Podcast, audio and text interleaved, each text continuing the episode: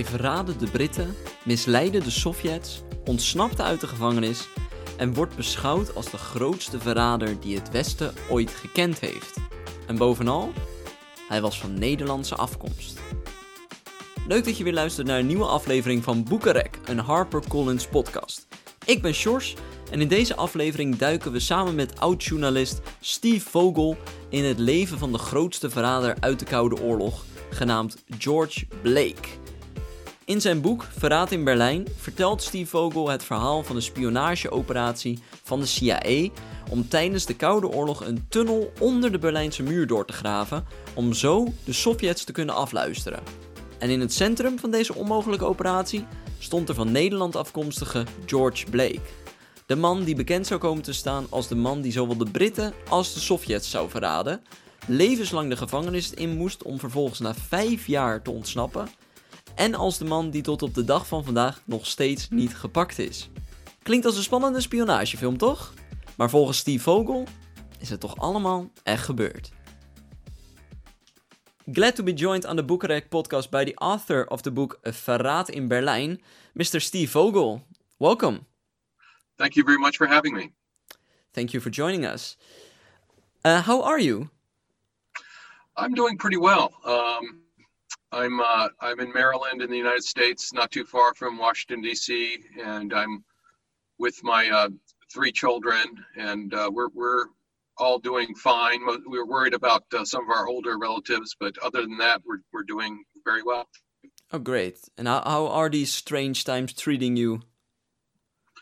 Well, yeah, it's been certainly unusual. My uh, my three children are their last uh, week of school online uh, right now. Actually, my eldest son just finished his uh, his college term uh, online, and now um, I have one uh, daughter who's 17, and she's taking her last test in the next day or two, and my 11 year old son is is also finishing up his work. So it's been a little bit unusual to have them at, at home uh, doing their schoolwork. Yeah, I can imagine. Everything is happening online. Right. Yeah. And how are you spending your days uh, personally? Well, I've been more or less uh, catching up with a lot of uh, uh, work and projects that I wasn't able to to tackle when I was uh, finishing the book. So I I live on a on a one acre property, and uh, there's there are just so many things here that I neglected over the last year, both inside and outside the house, uh, that uh, I've I'm tackling right now before I begin a, a, new writing project. So I'm I'm more or less making use of uh, the time uh, to spend time with the children, uh, going on walks, and working on them, taking them uh, getting them involved in the projects I'm doing, which is kind of fun. Paint, painting a shed and uh, building some things and all that. Oh, great! But as a journalist, you you have reported on some uh, big historical events like 9/11, the wars in uh, Afghanistan and Iraq, uh, the Cold War. Also, how do you compare all these events to what's happening right now?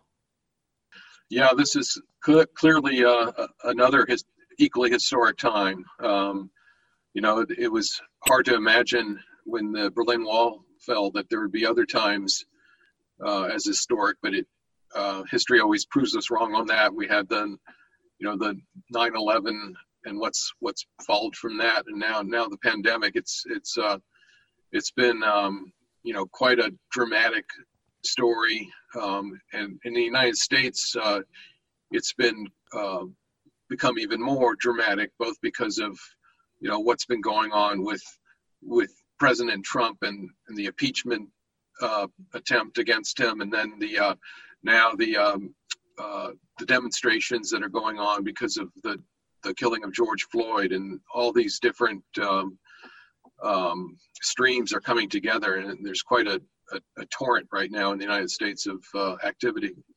A lot is happening at the same time. Yes, exactly. Uh, like I said, you have reported a lot uh, from the Cold War, and you've covered uh, even the fall of the Berlin Wall. Um, yeah, you, and your book, Betrayal in Berlin, in in English, is about events during those times, right? Yes, um, uh, certainly. Uh, a, a, lot of it is based on earlier than from when I was uh, became a uh, a journalist. Uh, I mean, I arrived in in Germany in, uh, as a reporter in 1989. However, um, I was born in in Berlin too, where my father was stationed um, in 1960, and and was involved a bit in the aftermath of, of some of the events I, I write about about the Berlin spy tunnel and and George Blake, the, the British spy. So uh, in that sense, I, I'm I feel connection to the the story from from start to finish. Yeah. And you, the, the book is, like you said, about a CIA plan to dig a tunnel under the Berlin Wall to spy on the KGB and the Soviet army, right? Well, it was actually before the Berlin Wall was constructed, um, because uh, Berlin was was divided in in the 1950s into the Soviet, the American, the British, and the French sectors, uh, but there was still free access more or less across the, the borders. So this was a, a tunnel to uh, tap into Red Army communicate. I'm sorry. Excuse me. Uh, this was a tunnel to tap into Red Army um, communications to um, find out what was going on um, by uh, listening on, on the phone conversations and teletype communications between the, the KGB and the Red Army in, in Berlin and headquarters back in Moscow, and also with um, uh, Red Army units across Eastern Europe. So it was a uh, it was a time when when uh, the United States and and Great Britain, uh, along with uh, the rest of Western in, intelligence, including uh, Dutch intelligence, which was a close partner of the Americans and British on this had very little information about um, the Red Army, about the Soviet intentions. And um, uh, this was a time before the U 2 aircraft was flying, um, and you didn't have uh, this mass interception of communications like you see from the NSA. Um, so it was a, it was a very different period, and the, the tunnel was the the attempt to find out uh, to, to answer the the big blank screen that the Americans and their their allies had. So it was a very unique and special operation then. Yes, absolutely. It was it was really one of the most unusual, uh, audacious uh, projects of the the Cold War. It was, uh, you know, quite expensive and uh, also um, it involved tunneling into what in effect was um, uh, Soviet controlled territory. So because this is a quarter mile long tunnel, and most of that was into Soviet controlled um, East Berlin. So there was concern about uh, some some of the fallout that might occur from uh, from what could be seen as an aggressive act. Yeah, yeah. And in, you've mentioned the name George Blake. Um, during this operation, there was a leak, and that was him, right? Yes, it was uh, George Blake who learned about the tunnel um, even before it was built. Uh, he, uh, you know, is a fascinating character, of course, uh, born in Holland and uh, with the, his mother, a Dutch mother, who married a uh, soldier who had British citizenship. So he had a, both a British passport and a Dutch passport, and um, he uh, he grew up. Um, not far from Rotterdam, and his grandmother lived there, and he was with her when the, the Nazis attacked uh, Rotterdam, and he, he ended up uh, working for the, the Dutch resistance as a uh, courier uh, for the first uh, several years of the war before eventually escaping, fearing that he was going to be arrested. Um, he escaped um, into uh, Belgium and France and made his way to Spain and then eventually England. So yeah, he's a he's a fascinating character. And then he uh, he was working for British intelligence, and um, he makes the decision at, at some point while he's being held in captivity in North Korea. It's a very dramatic life story that he's had. Oh wow, yeah. He uh, uh, is comes back to Britain after he's released from captivity, and um, he's now spying for the the KGB. But his um, of course, nobody knows that at British intelligence, and he uh, is in a position to, to, be one of the first people to, that learns about this tunnel. So it's uh, it's quite a interesting story about that. So he was one of the classic double agents. Yes, exactly. Yeah, exactly. He did quite a bit of damage. So, so what happened? What what did he do to, when he found out about this project? Well, he um, he had a um, a KGB handler that he uh, would meet with. In uh, he was still in London at this point, and he uh, he passed on the information to the KGB. But the KGB was in quite a dilemma because Blake, um, whose um, whose born name, by the way, was George Behar, um, and it, it, it, was changed to Blake after he arrived in England. Um, Blake was such a in a, such a valuable position for the KGB that they didn't want to do anything that could betray his um, his espionage. If they did anything to stop the tunnel, um, Blake was one of only a handful handful of people who knew about it, so they he would be exposed almost immediately. So the decision was made not to stop the tunnel, and that included uh, leaving the uh, Soviet Red Army exposed to, to any secrets that, that would be revealed. So that's a, it's a quite an ironic and interesting situation. Yeah, it, it, it puts him in a very, I think, also dangerous position.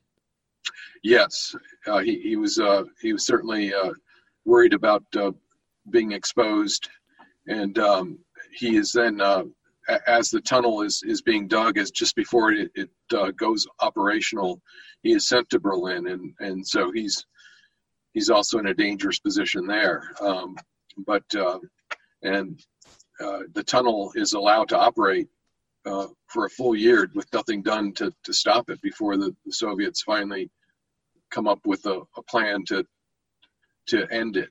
And uh, Blake during that time is quite concerned that uh, uh, he's going to be exposed and and you know could be arrested. He's like the the the the the, the spy you read a lot about in, in spy novels. He's uh, like like a made up character, but this this really happened. That's exactly right. Yeah, I think he's really one of the most fascinating spies in the 20th century, and he, um, you know, he did enormous damage and was uh, uh, was in this position that uh, almost a unique position uh, you could say after Kim Philby, the the British uh, spy who was also uh, betraying secrets to the KGB, he had been exposed as a spy by 1953, and so Blake was the was the top agent that the Soviets had for many years, uh, and and Blake was able to operate for almost a full decade before um, before he was exposed and caught. He, must have known that moment would come. I mean, when you uh, when you play double agent, you know there there's a big chance that things go wrong, right? Yeah, he was very fearful of that, and yeah. he um, he was making attempts to um, to break off his uh, his work for the Soviets, and uh, when he was um, when he was betrayed by a uh, Polish uh, defector in, uh, someone in, in Polish intelligence who who warned the British and Americans that uh, they had a um, a mole inside British intelligence, and that eventually led to Blake and and his arrest in 1961. But um, of course, as, as the book notes, that wasn't the end of the Blake story because he manages to uh, escape from prison in, in 1966 and um, make his way eventually to Moscow, where he's still he's still living outside of Moscow at age 97. And uh, I did speak to him for the uh, for the book, so that's that was pretty fascinating as well. Yeah, I mean it's it's fascinating that he he he he does this for this double agent role for a decade. Then he is arrested. He he escapes prison after five years, and uh, today he's still living a free man. That's right it's it's a it's a it's a it's a crazy story, and you know the story of his escape is pretty remarkable too because it wasn't it wasn't done by the KGB. He had to um, organize it with the help of some fellow prisoners, and uh, the whole thing was was almost a as much of a comedy as a as a as a drama. The the way they they were able to uh, get him out of prison and then smuggle him to uh, Berlin. So yeah, a very a very unusual story.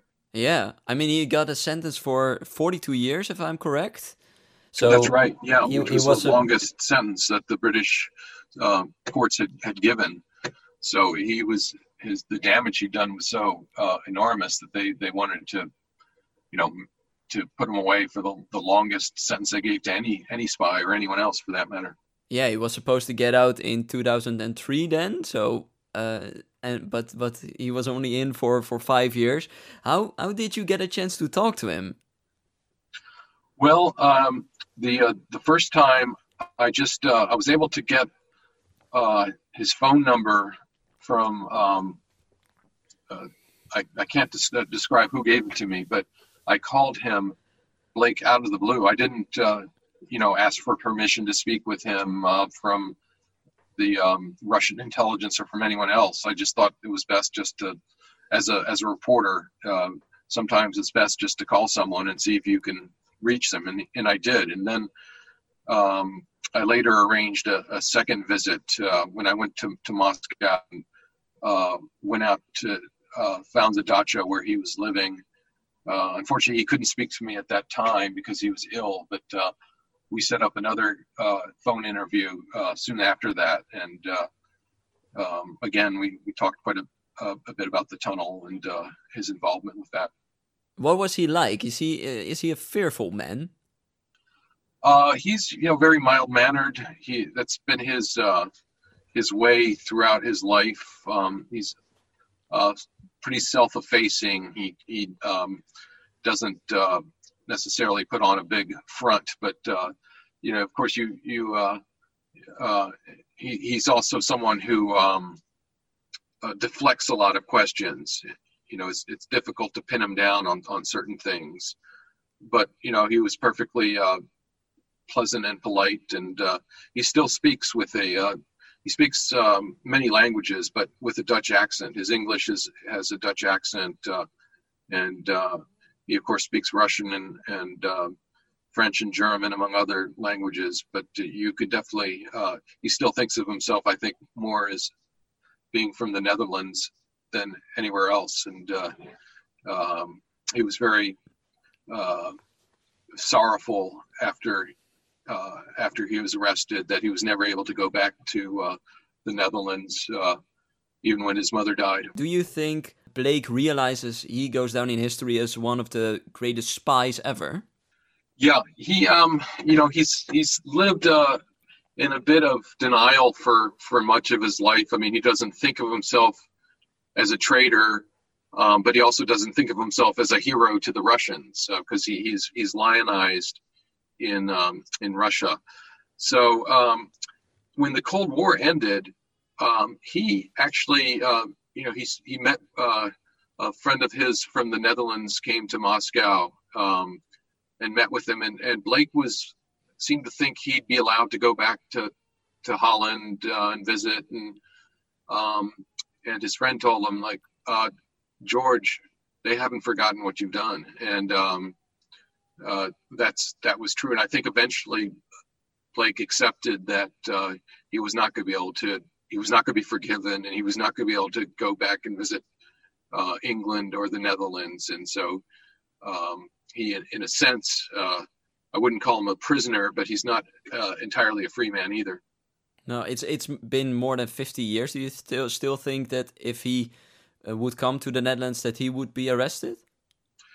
Um, you know, by now his health is such that he wouldn't make be able to make the trip anyway. No.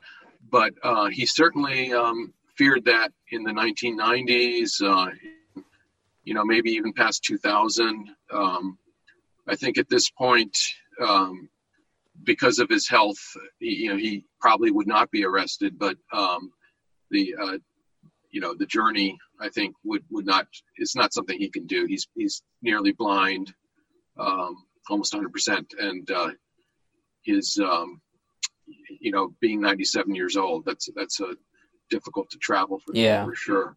Yeah. Yeah. Yeah, maybe he escaped prison, but uh, he still paid for what he did.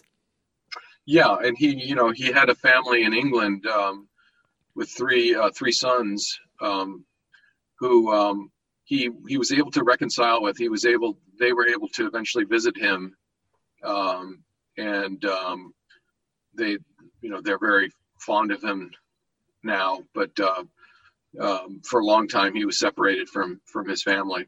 but he started a, a, new family in Russia. He has a, a wife and son. Okay. Do do you uh, after talking to him, do you understand why he did what he did?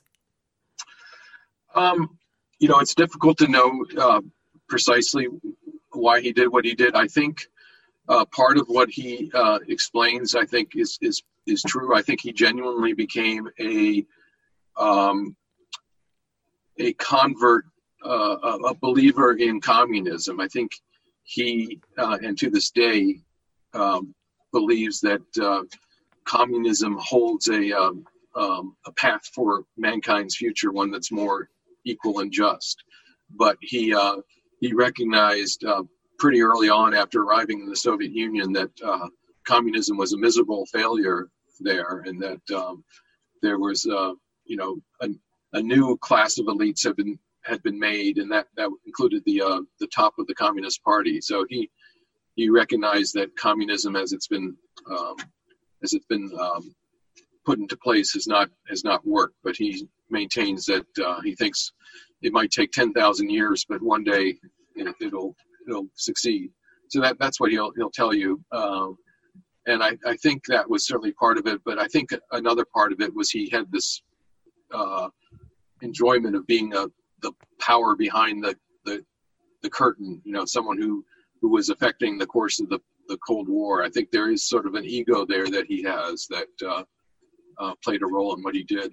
The one who's pulling the strings.